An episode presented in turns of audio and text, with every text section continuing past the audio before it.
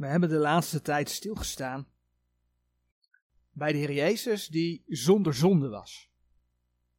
En de Heer Jezus die zonder zonde was, die stierf aan het kruis. Terwijl Barabbas, een man die gemoord had, die ging vrij uit. En we zagen hoe dat een, een type, een beeld was voor het feit dat de Heer Jezus voor al onze zonden gestorven is, hoe Hij voor jouw zonde gestorven is. Enerzijds is dan de vraag, heb je Zijn verlossing aangenomen? Zo nee, doe het dan. Het is nu nog de tijd.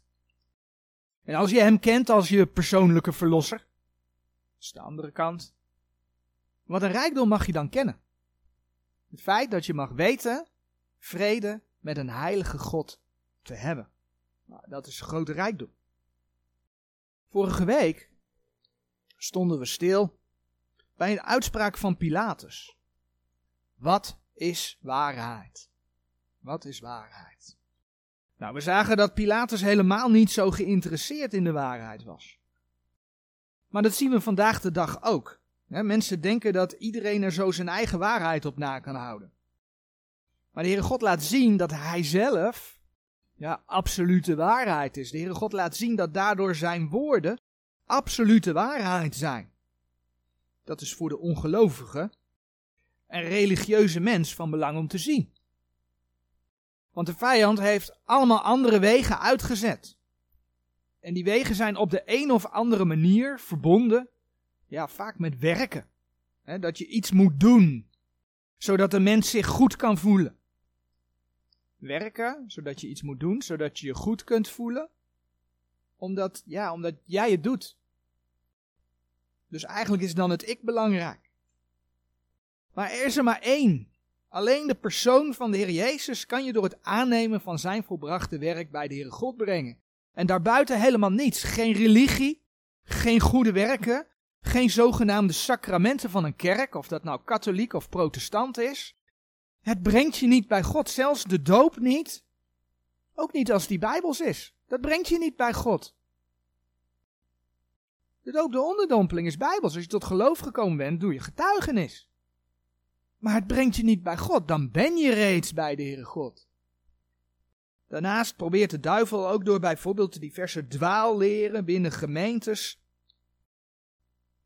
te deponeren ja, mensen bij de waarheid van Gods woord weg te krijgen. En heel vaak gaat dat gebaseerd in deze tijd op ervaringen. Ervaringen centraal stellen. Want dan wordt het ik van de mens gestreeld. Ik heb dat meegemaakt. Heb je het gehoord? Ook heb je te maken met leugen dan. Gods woorden zijn namelijk niet relatief. Gods woorden zijn absolute waarheid. Dus alleen door jezelf standvastig te gronden in de waarheid van Gods woord, kan de Heilige Geest je als kind van God leiden in al de waarheid. Dan anders ben je vooral met jezelf bezig. En vandaag gaan we dan zien dat er eigenlijk nog iets bij komt. Dat er eigenlijk nog iets bij komt voordat de Heilige Geest je zal leiden in alle waarheid. En dat heeft dus te maken met het thema Gij zult de menigte tot boze zaken niet volgen. Maar dat heeft met keuzes te maken. Als jij ervoor kiest om de Heer te dienen, zal de Heilige Geest jou leiden. Als jij ervoor kiest om te zondigen, bedroef je de Heilige Geest, blus je de Heilige Geest uit. Hoef je dus ook niet te verwachten dat de Heilige Geest je in al de waarheid leidt. Vandaag willen we nogmaals bij de geschiedenis van Barabbas stilstaan. En dan wel bij het handelen van Pilatus. En ditmaal naar aanleiding van het evangelie naar de beschrijving van Marcus. En daar beginnen we met lezen in Marcus 15, vers 12 tot en met 15. En enkele versen uit het evangelie naar de beschrijving van Johannes. Maar laten we eerst die versen in Marcus lezen. Marcus 15, vers 12 tot en met 15. Marcus 15, vers 12. En Pilatus antwoordende zeide wederom tot hen: Wat wilt gij dan dat ik met hem doen zal? dien gij een koning der Joden noemt. En zij riepen wederom, kruis hem. Doch Pilatus zeide tot hen, wat heeft hij dan kwaads gedaan? En zij riepen te meer, kruis hem. Pilatus nu willende scharen genoeg doen, heeft hun Barabbas losgelaten en gaf Jezus over als hij hem gegezeld had om gekruist te worden. Pilatus nu willende de scharen genoeg doen. En dan lezen we nog twee versen uit Johannes 19. Johannes 19, vers 12 en 13. Johannes 19, vers 12. Van toen af zocht Pilatus hem los te laten. Maar de Joden riepen zeggende, indien gij deze loslaat, zo zijt gij des keizers vriend niet. Een iegelijk die zichzelf een koning maakt, wederspreekt de keizer. Als Pilatus dan dit woord hoorde, bracht hij Jezus uit en zat neder op de rechterstoel in de plaats genaamd Litostrotos en in het Hebreeuws Grabata. Marcus lezen we dat Pilatus de scharen genoeg wilde doen. Hij wilde ze tegemoet komen. Hij wilde geen oproer. Hij wilde rust in de stad. Ja, en als je zo'n volk hè, dat tegemoet komt, oh, dan krijg je dat volk misschien ook wel op je hand. Maar er zat meer achter. Pilatus was ook bang. Niet bang voor het volk op zich. Ik bedoel, hij was stadhouder. Hij had zo het Romeinse leger kunnen inschakelen, een opstand kunnen neerslaan. Maar Johannes 19, vers 12 laat zien dat de Joden de volgende woorden naar hem riepen. Vers 12. Indien gij deze loslaat, zo zijt gij des keizers vriend niet. Een iegelijk die zichzelf voor koning maakt, wederspreekt de keizer. Oh, als dat gerucht de keizer zou bereiken. Dat wilde Pilatus niet. Daar was hij bang voor. Hij was bang voor zijn imago. Hij was bang voor de gevolgen die de imagoschade voor zijn functie als stadhouder zouden hebben. Pilatus was bang. En uit angst voor alles wat er zou kunnen gebeuren, volgde hij de meerderheid. En het gevolg was dat iemand die geen zonde gedaan had, gekruisigd werd. Nou, in de vorige boodschap heb ik het ook gezegd. Natuurlijk, de Heer Jezus moest gekruisigd worden. Voor de zonde van de mens. Maar deze geschiedenis laat wel zien wat voor een mens die Pilatus was. Hij koos voor zijn eigen gemak. Hij koos voor zijn eigen hachje. Ja, en daarom volgde hij de meerderheid. En dan maakt het niet uit hoe leugenachtig die meerderheid ook deed. Nee, hij ging voor zichzelf. En dat onderstreept des te meer dat Pilatus helemaal niet wakker lag over die vraag: wat is de waarheid? Absoluut niet. Nu was Pilatus een ongelovige. Maar als wederom geboren gelovige kom je voor situaties te staan waar je moet kiezen. Volg je de meerderheid of volg je de waarheid?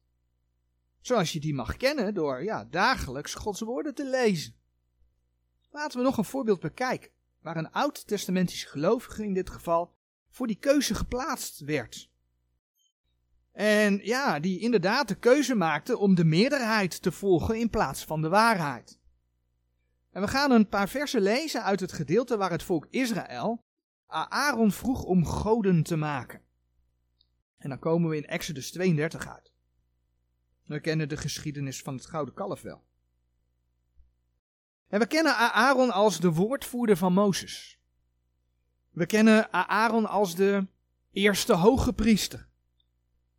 Maar Aaron was mens. Aaron was niet volmaakt. Nou, en dat lees je uit het daarna in Exodus 32. Kijk maar, vers 1. Toen het volk zag dat Mozes vertoog van de berg af te komen, zo verzamelde zich het volk tot Aaron en zij zeiden tot hem, sta op, maak ons goden die voor ons aangezicht gaan, want deze Mozes, die man die ons uit Egypteland uitgevoerd heeft, wij weten niet wat hem geschied zijn. En wat deed Aaron? Zei Aaron tegen de mensen, weet je nog, de tien geboden? Wat die zeggen? Want die waren op dat moment al geopenbaard. Exodus 20. Of wees Aaron het volk op de belofte die het volk de Heere gedaan had. En dat was al in Exodus 19. Exodus 19 vers 8. De belofte die het volk de Heere gedaan had om alles wat de Heere sprak, om dat ook daadwerkelijk te doen. Kijk maar wat het volk in Exodus 19 vers 8 zei. Toen antwoordde al het volk gelijkelijk en zij zeiden, al wat de Heere gesproken heeft, zullen wij doen. En Mozes bracht de woorden des volks weder tot de Heere. Deed Aaron dat? Bracht hij dat in herinnering? Nee, dat deed Aaron niet. Nee hoor. In uh, vers 2 tot en met 4 van Exodus 32. Daar lees je hoe hij uh, naar het volk luisterde en hoe hij dat gouden kalf ging maken. En vervolgens lees je in de rest van Exodus 32 hoe het volk het gouden kalf ging vereren. Je leest ook hoe Mozes daarna terugkwam van de berg en hoe het volk gestraft werd. En het typische in dit gedeelte is dat je dat niet van Aaron leest. Je leest niet dat Aaron ook gestraft werd. Het feit dat je het niet leest in Exodus 32 betekent niet dat de Heere Aaron niet wilde straffen. Nee, de Heere was zeer vertorend op Aaron, staat er bijvoorbeeld in Deuteronomium 9, vers 20. Hou de hand bij Exodus 32, want dan komen we zo terug. Maar in Deuteronomium 9, vers 20, dan lees je de reactie van de Heer op het feit dat Aaron dat gouden kalf ging maken. Ook vertorende zich de Heere zeer tegen Aaron om hem te verdelgen. Ja, dat is nogal wat. En dan zegt Mozes, doch ik bad ook terzelfde tijd voor Aaron. Mozes deed voorbeden. Mozes deed voorbeden. Voor Aaron. En toen Mozes vroeg wie de Heere toebehoorde, lees je in uh, Exodus 32, vers 26, dat al de zonen van Levi bij hem kwamen. Al de zonen van Levi. Nou, Aaron, Aaron was ook een zoon van Levi. Nou, aangezien Aaron verder niet gestraft is, blijkt daaruit dat Mozes voorbeden verhoord is. En Aaron, als zoon van Levi, zal ook naar Mozes toegekomen zijn. Dus Aaron had het verlangen om de Heren toe te behoren. Om bij de Heren te horen. Maar wat bezielde hem dan op het moment toen het volk bij hem kwam om een gouden kalf te maken? Wat bezielde hem? Nou, in Exodus 32, vers 21 en 22 lezen we het volgende. Exodus 32, vers 21. En Mozes zeide tot de Aaron, wat heeft u dit volk gedaan, dat gij zulk een grote zonde over hetzelfde gebracht hebt? Toen zeide Aaron, de toren mijns heren ontsteken niet. Gij kent dit volk, dat het in het boze ligt. Aaron schoof de schuld op het volk af. Maar het punt is dat het zijn keuze was om erin mee te gaan. Het volk lag in het boze. Dat geeft Aaron hier als reden op. Het is ook zo, hè, gezien het feit dat ze massaal voor dat gouden kalf gingen buigen en dat gingen vereren. Aaron was dus bang om nee te zeggen, want het volk lag in het boze. Hij was bang voor de reactie van het volk als hij het niet zou doen. En dus deed hij het maar. Maar hadden ze dan niet eerder meegemaakt dat het volk boos was? Bijvoorbeeld omdat de farao de dienst verzwaarde. Hè? Toen Mozes en Aaron naar de farao gingen, in plaats van dat ze vrij uitgingen, ging farao de dienst verzwaren. Dat lees je in Exodus 5 vers 1, 21 tot en met 24. En hadden ze toen niet meegemaakt toen dat gebeurde, dat de Heere hen notabene verloste? Ja, dat hebben ze meegemaakt. De Heere had hen verlost. Zo snel vergeten mensen. Dat doen wij ook. We vergeten heel snel. Als we dingen meemaken, in een volgende situatie, dan zijn we kwijt dat de Heer ons geholpen heeft. Dus Aaron stond op dit moment tegen een overmacht van het volk, dat in het boze lag. En Aaron vreesde en wat deed hij? Hij maakte het kalf. En hij wist ook nog dat hij fout was. En hij durfde het ook niet zelf onder ogen te zien, want dat blijkt wel uit wat eh, vers 24 van uh, Exodus 32 zegt. Vers 24 van Exodus 32 spreekt Aaron, toen zeide ik tot hen, wie goud heeft, die ruk het af en geef het mij en ik wierp het in het vuur en dit kalf is eruit gekomen. Alsof hij het goud in het vuur geworpen had en ja, daar wandelde vanzelf dat gouden kalf uit. Nee, Aaron had het zelf gemaakt. Hè? Kijk maar in Exodus 32, vers 4.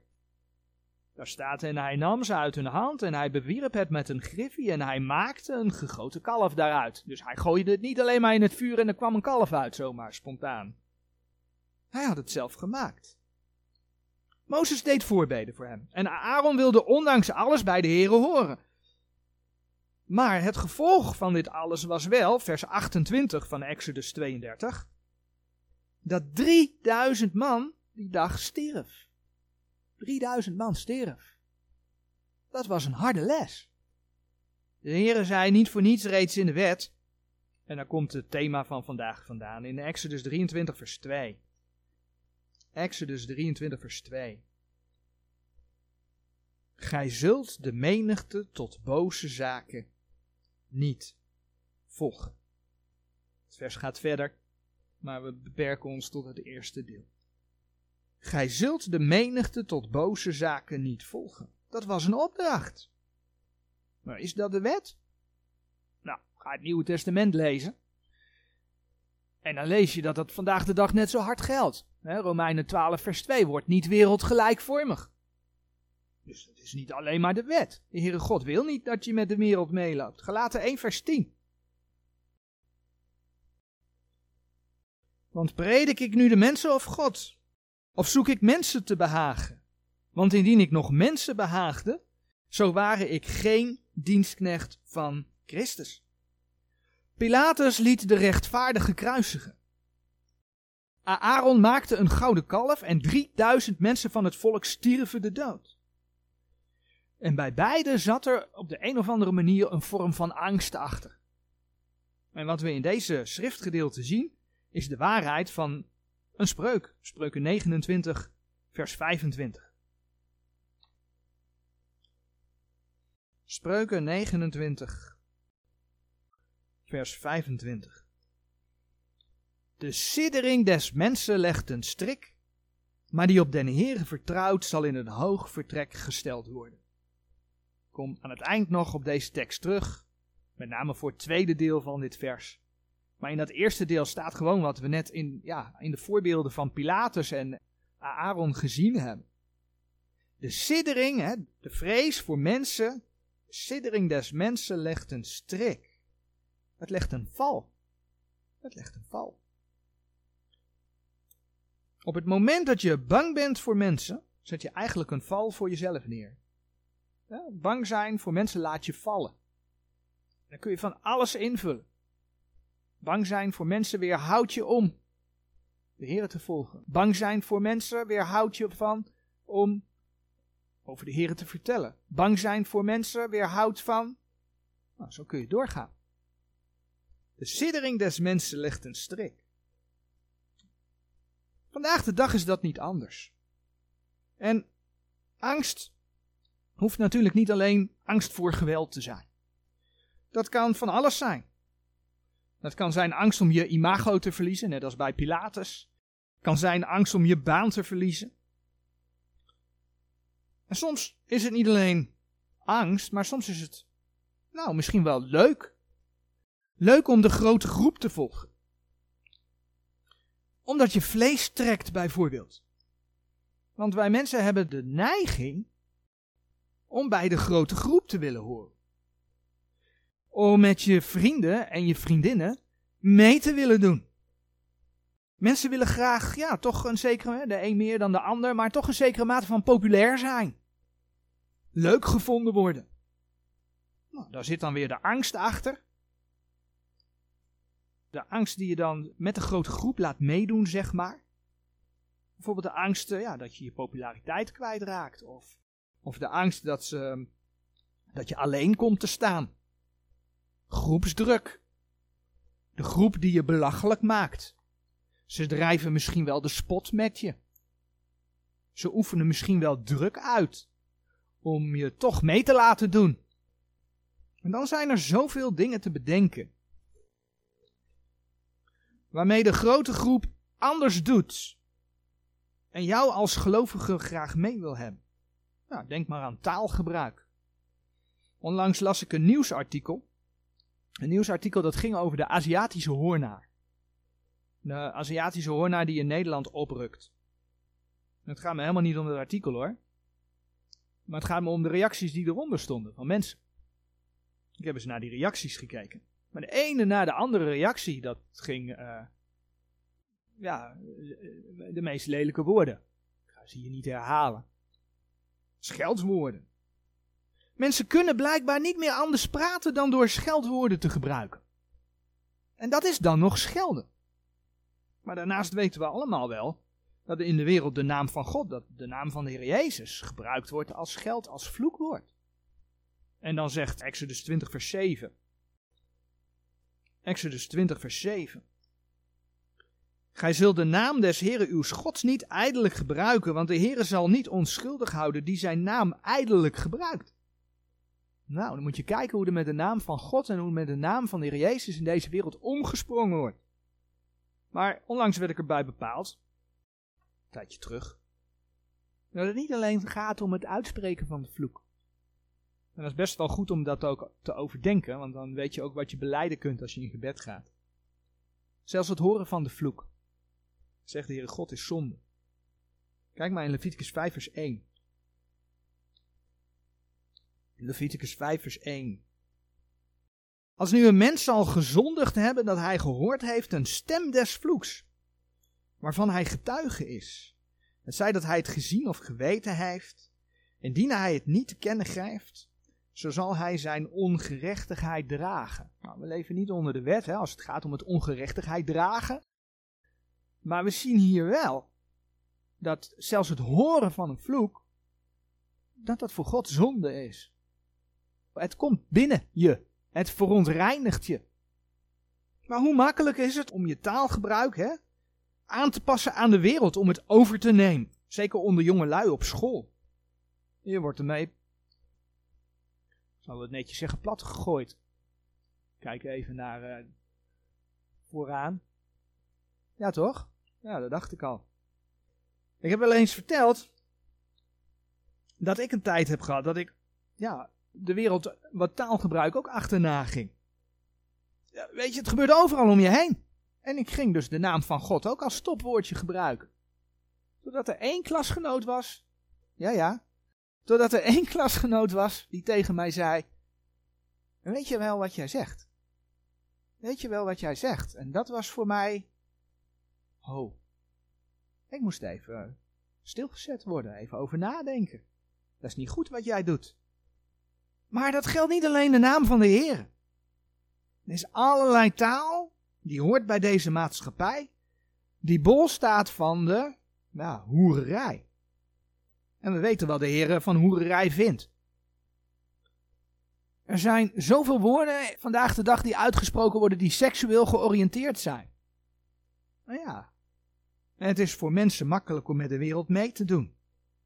Het is makkelijk om met je klasgenoten mee te doen. Het is makkelijk om met je collega's mee te doen. En dan zegt de Heer, Exodus 23 vers 2, Gij zult de menigte tot boze zaken niet volgen. Van wie wil je een dienstknecht zijn? Wil je mensen behagen? Of wil je de Heere God behagen? Hetzelfde zien we bij mode, sieraden en opmaken, make-up. We zagen al dat je als mens vaak wilt meedoen. Je wil graag bij de, de grote groep horen, erbij horen. We zien in deze maatschappij het ik benadrukt worden. Dus moet je jezelf verkopen door jezelf mooi te maken. En ik ga de mannen erin betrekken door jezelf stoer te maken. Met behulp van de laatste mode, sieraden. Ja, en dat geldt niet alleen voor vrouwen, geldt ook voor mannen. En voor wat dan voor vrouwen meestal, ja, wat belangrijker is dan voor de meeste mannen, hè, dat is de make-up. En soms zie je mensen voorbij komen die helemaal strak in de make-up zitten. Die bijna een masker op hebben. En dan ook nog behangen met sieraden van onder tot boven zo af en toe. Dat je denkt van nou, de kerstboom die is ook al vroeg opgetuigd dit jaar. Maar wat zegt de schrift? Wat zegt de schrift? In 1 Petrus 3, vers 1 tot en met 4 lezen we. 1 Petrus 3, vers 1 tot en met 4.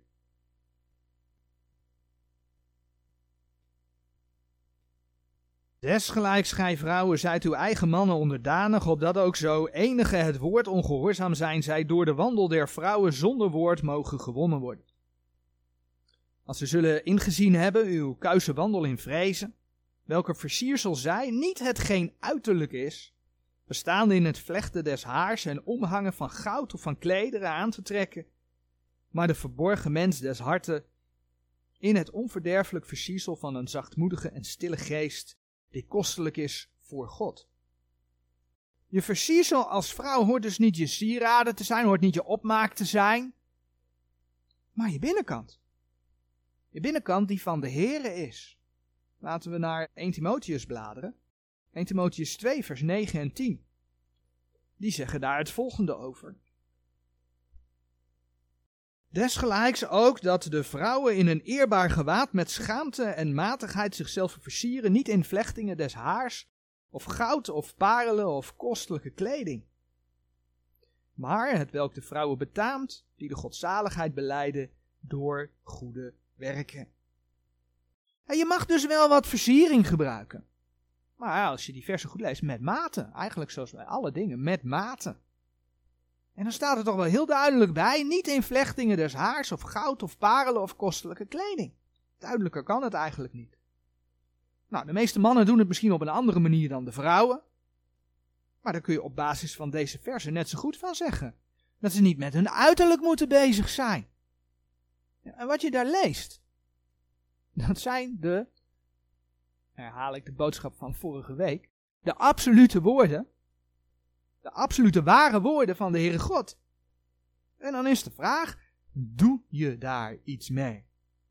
Of ga je met de wereld mee? Omdat je het zo gewend bent. Omdat de meeste mensen met hun uiterlijk bezig zijn. Omdat de meeste mensen er mooi uit moeten of willen zien. Hoe ga je daarmee om naar je kinderen toe? Wat leer je je kinderen? Er is een speelgoedmerk. Ik heb de twee plaatjes van uh, op de dia staan. Er is een speelgoedmerk dat heet Topmodels. Er zijn allerlei spullen van te krijgen. van kleur tot schrijfgerei, van borstels tot opmaakspullen en dat is voor jonge kinderen. Geef je dat als ouders aan je kinderen? Of op een verjaardag laat je dat door anderen aan je kinderen geven. Laat je dat toe. Ze leren op die manier al jong dat uiterlijk belangrijk is. En kijk naar die figuurtjes. De afgebeelde kinderen in strakke korte broekjes en rokjes met navelshirtjes. En de houding waarop ze staan, dat zijn bijna, zo jong als ze zijn, al halve hoertjes. Het past bij de seksuele moraal die men de jeugd tegenwoordig wil meegeven. Geef je dat als ouders die de Heer willen dienen aan je kinderen? Of wil je ze het niet onthouden omdat vriendinnetjes het ook hebben? Zo zielig. Dan moeten ze toch ook in mee kunnen doen. Of wil je het niet tegen opa of oma zeggen, hè, die het geven op de verjaardag? Dat ze niet met dat speelgoed mogen spelen, want ja, dat komt de verstandhouding niet zo ten goede. Wil je mensen behagen? Of wil je de heren behagen? Wil je een dienstknecht van mensen zijn?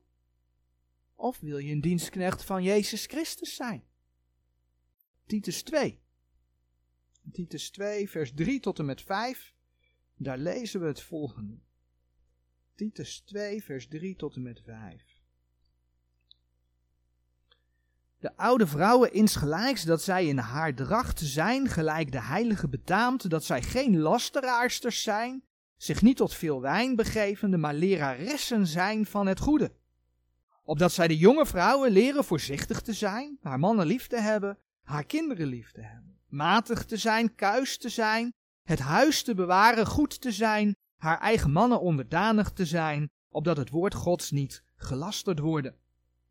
Een vrouw, zegt Gods woord, hoort in de gemeente niet te spreken. Een vrouw hoort te zwijgen in de gemeente. Maar hier zie je wel een uitzondering. Hier zie je een uitzondering.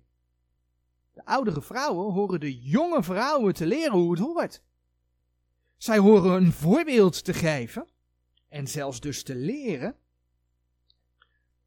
Om onder andere, de woorden die in die versen naar voren komen, matig te zijn, om kuis te zijn, eerbaar te zijn. Eigenlijk overeenkomstig wat we gelezen hebben in 1 Petrus 3, vers 1 tot en met 4 en 1 Timotheus 2, vers 9 tot en met 10. Nou, als dat voor de oudere vrouwen naar de jonge vrouwen geldt, hoeveel te meer is dat voor ouders naar je kinderen toe? Nou, als ouders hoor je je kinderen toch te beschermen. Wees een voorbeeld. En leer je kind al heel vroeg. Gij zult de menigte tot boze zaken niet volgen. Exodus 23, vers 2. Ook als het om relaties gaat, leven we in een maatschappij die duidelijk andere keuzes maakt dan dat de Heere God wil. De Heere God die laat in zijn woord zien dat hij man en vrouw geschapen heeft. En dat hij wil dat ze een bewuste relatie aangaan. En dat die man en vrouw dan één vlees worden binnen een huwelijk. En dan binnen dat huwelijk eventueel kinderen krijgen. Dat is wat Gods woord laat zien. En dan eh, laat hij ook nog uh, zien, dat laat hij niet merken, dat laat hij zien, dat zegt hij, dat mensen daarin trouw horen te zijn. Genesis 2, vers 24. Genesis 2, vers 24. Het bekende vers over huwelijk. Zegt. We gaan niet alles over het huwelijk bespreken nu, want daar is het onderwerp niet naar, maar ik haal toch enkele versen aan om te laten zien dat God die dingen ingesteld heeft. Daarom zal de man zijn vader en zijn moeder verlaten en zijn vrouw aankleven en zij zullen tot één vlees zijn. Dat is de volgorde, hè? Je verlaat je vader en moeder, je wordt zelfstandig en je gaat je vrouw aankleven. Je gaat dus samen en dan zullen ze één vlees zijn. Nou, Efeze, is dat het Oude Testament? Nee hoor, want Efeze 5 vers 31 noemt dat ook. Efeze 5 vers 31 noemt het ook. En het mooie is dat Efeze 5 vers 32 dan zegt, Efeze 5 vers 32 zegt dan, voor God is dit iets, iets heel belangrijks. Want God zegt, deze verborgenheid is groot. Nadat vers 31 is geweest, laten we dat ook maar even lezen. Daarom zal een mens zijn vader en moeder verlaten, zal zijn vrouw aanhangen en zij twee zullen tot één vlees wezen. Deze verborgenheid is groot, doch ik zeg dit ziende op Christus en op de gemeente. En dat heeft ermee te maken dat de gemeente de bruid is van het lam. En juist daarom is er in de maatschappij, in de wereld, een drang om, ja, zeg maar, alles wat met het huwelijk te maken heeft, alles wat met traditioneel gezin te maken heeft, om dat kapot te maken. want die wereld ligt in het boze, gelaten 1 vers 4. De God deze eeuw, de God van deze wereld is nu eenmaal de duivel. 2 Korinthe 4 vers 4. Denk je dat hij dat beeld, dat mooie beeld van het huwelijk, dat hij dat, dat hij dat intact wil laten? Nee, absoluut niet. Dat moet kapot. Want dat verwijst naar Christus en de gemeente. Nou, in de wereld, ja, die biedt allerlei andere mogelijkheden. Van zogenaamd, daar komt dit plaatje vandaan, een open relatie, een open huwelijk. Waarin je dus als partners niet trouw aan elkaar hoeft te zijn. Dat is een van de opties. Een huwelijk tussen mensen van het gelijke geslacht. Dat is natuurlijk ook heel modern. Tot samenwonen, tot bewust ongehuwd moederschap. En daartussendoor zijn allerlei andere varianten waarin mensen het normaal moeten vinden, moeten gaan vinden. Want eigenlijk moeten we het allemaal normaal vinden dat de hoererij of overspel plaatsvindt. En dan bladeren we naar Spreuken 2, want Spreuken 2 zegt, als je Gods wijsheid in je hart hebt, als je Gods wijsheid in je hart hebt,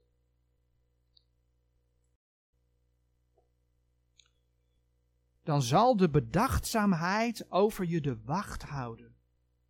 Dat staat in Spreuken 2, vers 10 en 11. Dan zal de bedachtzaamheid over je de wacht houden en zal de verstandigheid je behoeden. Spreuken 2, vers 10 en 11.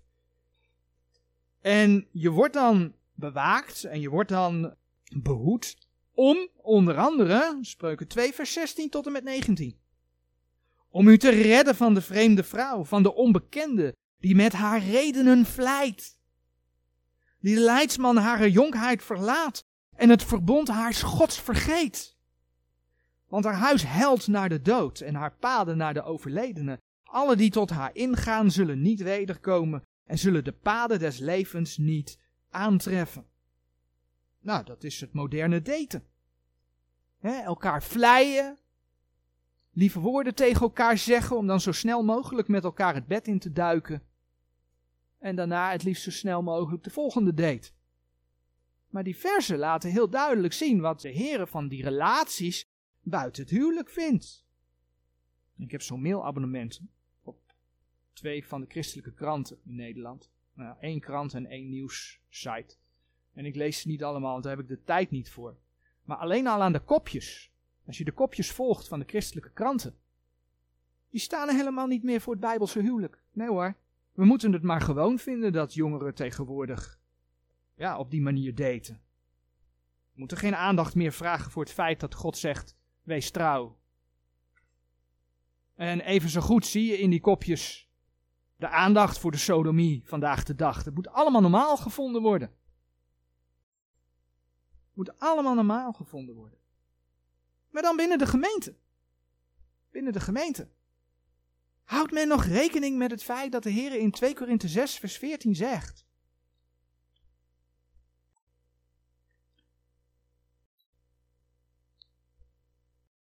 Trek niet een ander juk aan met de ongelovigen. Want wat mededeel heeft de gerechtigheid met de ongerechtigheid, wat gemeenschap heeft het licht met de duisternis. Vers 16, of wat samenvoeging heeft de tempel gods met de afgoden? Je wordt één. Daar staat het huwelijk voor. Maar jouw lichaam is de tempel van de Heilige Geest. Dat betekent dus dat iemand die de Heer niet kent, is de tempel van de afgoden. Kun je daarmee één worden? Wordt daar nog rekening mee gehouden?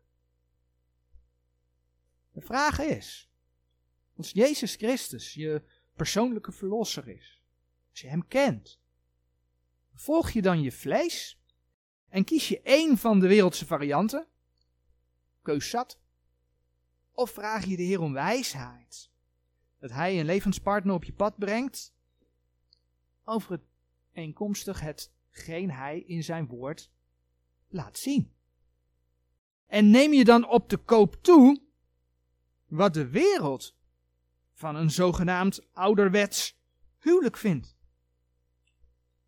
De Heer zegt, Exodus 23 vers 2, Gij zult de menigte tot boze zaken niet volgen. Van wie wil jij een dienstknecht zijn? Wil je mensen behagen of wil je de Heere God behagen? Nu gebeurt het dat mensen ja, in de wereld dingen doen. Want als je in de wereld bent, ben je al op die weg. En vervolgens komen ze tegen het evangelie, ze nemen de Heer Jezus Christus aan. Ja, dan heb je in het verleden keuzes gemaakt. En die kun je vaak niet terugdraaien. Dat klopt. Dat is een deel van je verleden. Maar wat je wel kunt doen, is dat je de Heer je zonde beleidt. Dat je hem om wijsheid vraagt om vanaf nu wel de juiste keuzes te maken. Om vanaf nu wel voor hem te leven. niet meer te hoereren. Geen overspel meer te plegen. Een partner te zoeken die wederom geboren is. Te huwen. Trouw te zijn. Keuzes. Wat een ander er ook van vindt. Het zijn keuzes. Want wie dien of behaag je nu? Dien je de mensen? Dien je je eigen vlees? Of dien je de Heere God? Behaag je de Heere God? Gij zult de menigte tot boze zaken niet volgen, zegt de Heere God in zijn woord. En weet je, zo kun je nog veel meer voorbeelden bedenken. Waarin de wereld zaken heel normaal vindt. Het is de normaalste zaak van de wereld, zeggen ze dan. Maar waar de Heer door zijn absolute woord zijn licht over laat schijnen. En dat geldt ook voor het christelijke wereldje hoor. Oh ja, absoluut. Durf je bijvoorbeeld, ondanks dat velen de schriftkritiek en de nieuwe vertalingen aanhangen, te staan voor het bewaarde woord van God? Durf je te zeggen dat de Statenbijbel het woord van God is? En zo kun je veel meer voorbeelden noemen. In al die dingen vraagt de Heer God een keuze. Wie dien je nu? En het is niet makkelijk in deze wereld. Zeker niet als je als kind of jongere op school zit. Als je de Heer wilt volgen en je wordt overgoten, want dat is het tegenwoordig, je wordt overgoten met wat de wereld wil. Maar de Heer, en dan kom ik terug bij Spreuken 29, vers 25. De tekst staat ook op de dia. De Heer zal je zegenen als je niet bang bent en als je Hem dient. Als je voor Hem kiest. Spreuken 29, vers 25 zegt, het eerste deel hebben we uitgebreid bij stilstaan, de siddering des mensen legt een strik. Maar dan zegt het tweede deel, maar die op de Heere vertrouwt, zal in een hoog vertrek gesteld worden. De Heer zal met je zijn. Als je Hem wil volgen. Of zoals Romeinen 12, vers 1 en 2 zeggen, en ik heb de versen in het begin al genoemd, maar laten we ze nog lezen. Romeinen 12, vers 1 en 2. Ik weet u dan, broeders, door de ontfermingen Gods, dat gij uw lichamen stelt tot een levende, heilige en gode welbehagelijke offerande, welke is uw redelijke godsdienst. Ja, de Heer vindt het alleen maar redelijk, met alles wat Hij voor je gedaan heeft, dat jij jouw lichaam voor Hem geeft. Dat je Hem met je lichaam dient. En wordt deze wereld niet gelijkvormig, maar wordt veranderd door de vernieuwing uws gemoeds, opdat gij moogt beproeven welke de goede en welbehagende en volmaakte wil van God is. Wanneer ga je dus de volmaakte en welbehagende wil van God voor je leven verstaan?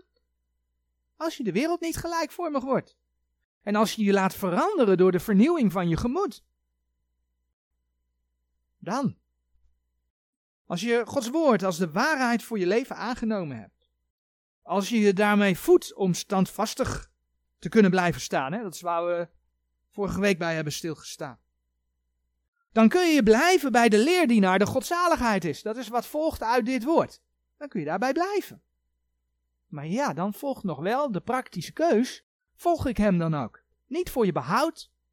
Want als kind van God ben je veilig bij de Heer. Maar wel in de navolging. Voor je loon en kroon. Dus als je dan ook bewust kiest om tegen de wereld in die woorden van God na te leven, weet je, dan zal de Heilige Geest je ook in al de waarheid leiden. En als wederom geboren christen hoef je niet bang te zijn voor het laatste oordeel. Dat noemde ik net al even. Maar je komt dus wel voor die rechterstoel van Christus. Zul je dan schade lijden omdat je alle mogelijke moeite hebt gedaan om toch maar de mensen te behagen? Liefgevonden te worden? Kijk mij eens de populaire jongen of dame zijn. Of zal de Heer je belonen als trouwe dienstknecht van Jezus Christus, omdat je de Heer behaagd hebt? En weet je, dit is heel makkelijk zeggen, maar in de praktijk is dat best moeilijk, want je komt in situaties die gewoon lastig zijn. Voor ieder verschilt dat. Maar houd het in je hoofd dat de Heer zegt, gij zult de menigte tot boze zaken niet volgen. De vraag die je iedere keer moet stellen is, wie wil ik behagen, mensen of de Heere God? En dan lezen we als laatste 1 Petrus 4. De eerste vijf versen. Want die weg is niet altijd makkelijk. En dat blijkt ook wel uit deze versen. Terwijl dan Christus voor ons in het vlees geleden heeft, zo wapent gij u ook met dezelfde gedachte. Namelijk dat wie in het vlees geleden heeft, die heeft opgehouden van de zonde. Om nu niet meer naar de begeerlijkheden der mensen, maar naar de wil van God de tijd die overig is in het vlees te leven. Staat het, hè? Om nu niet meer naar de begeerlijkheden der mensen, maar naar de wil van God de tijd die overig is in het vlees te leven. Want het is ons genoeg dat wij de voorgaande tijd des levens der heidenen wil volbracht hebben. Ja, vroeger leefde je naar de wereld. Het is ons genoeg dat we dat vroeger gedaan hebben, zegt dat vers en gewandeld hebben in, dan komt die ontuchtigheden, begeerlijkheden, wijnzuiperijen, brasserijen, drinkerijen, gruwelijke afgoderijen. Waarin zij zich vreemd houden als gij niet medeloopt tot dezelfde uitgieting der overdadigheid en u lasteren. De welke zullen rekenschap geven degene die bereid staat om te oordelen de levende en de doden. Volg je net als Pilatus, of net als Aaron, hè, toen hij dat gouden kalf ging maken, volg je de wil van de menigte, van de meerderheid? Behaag je de mensen? Of houd je stand in Gods woord en volg je Gods wil? En misschien kijken mensen je vreemd aan. Misschien gaan ze je er zelfs voor lasteren, kwaad spreken over je. Dan moet je eigenlijk denken, nou en?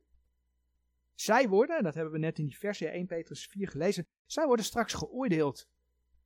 Maar als jij de Heer volgt, dan zal Hij je belonen in zijn eeuwigheid. Dus wiens wil doe je? De Heer zegt nogmaals, gij zult de menigte tot boze zaken niet volgen. Amen.